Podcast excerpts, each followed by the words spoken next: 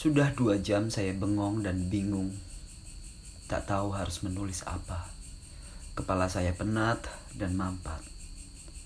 Saya tak punya calon tulisan yang bisa saya obrolkan dengan Subagus, Menur, dan Sri menanti jika kami bertemu lagi. Tiba-tiba saya ingin menyapa pihak-pihak yang selama ini menemani dan mendukung saya. Siapa tahu dari mereka saya bisa beroleh banyak bahan.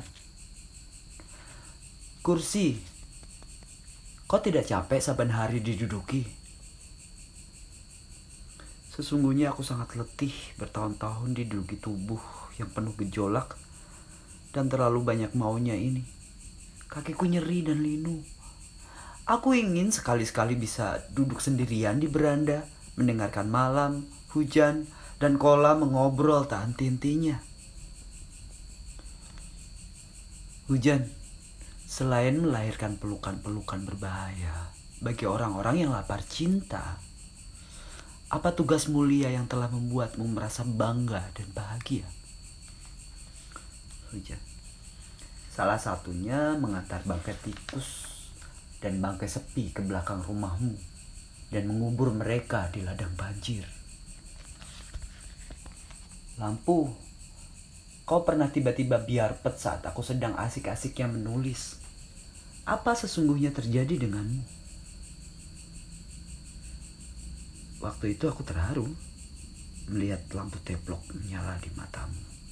Aku tahu dulu kau belajar menulis di bawah lampu teplok.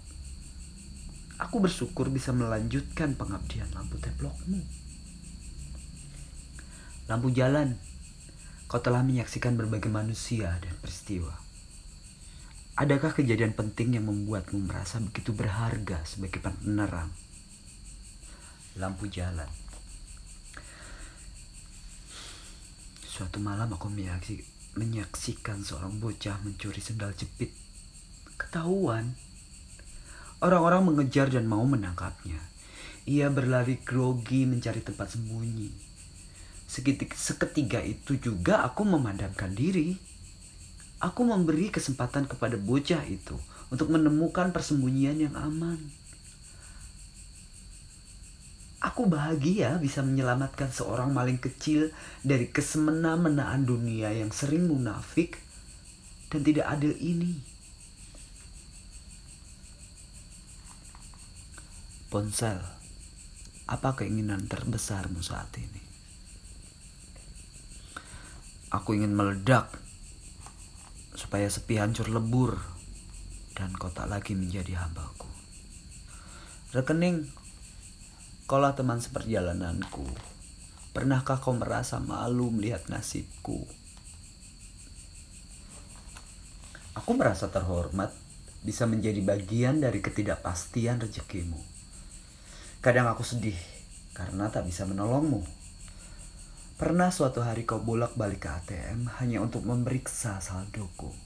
Siapa tahu ada honor tiba sebelum jadwal. Siapa tahu ada kiriman nyasar entah dari mana.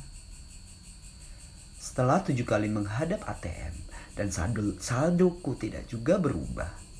Akhirnya kau berjalan tunduk sambil mengumpat lirih sepanjang gang becek dalam hujan rintik-rintik.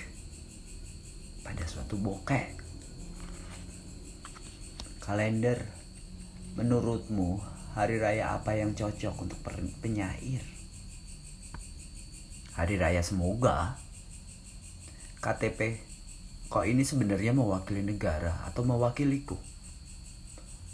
Aku tahu maksudmu. Kau cuma bertanya kapan negara mewakilimu kan? Mawar sakiti aku dengan durimu.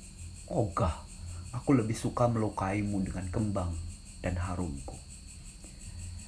Nyamuk, apa yang kau hisap dari tubuhku? Darah sepi dan darah rindu. Kucing, terima kasih. Kau setia menemaniku menulis meskipun kau telah kau lebih banyak tidur di atas bangku. Kadang kau menggeram dan matamu mencorong tajam kalau ada roh jahat mencoba menggangguku. Apa mimpi terindah yang pernah hadir dalam tidurmu? Meong. Saya belum sempat menyapa kamus, rokok, jam dinding, jendela, pohon cemara, dan lain-lain karena konsentrasi saya tiba-tiba buyar oleh ketukan pada pintu. Saya buka pintu. Tuan LTC. Baru mau saya sapa dia sudah lebih dulu berkata.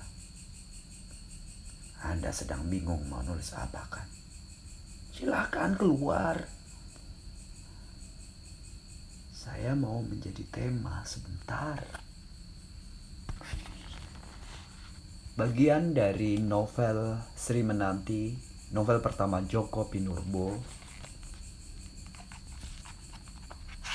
yang terdapat di halaman 109.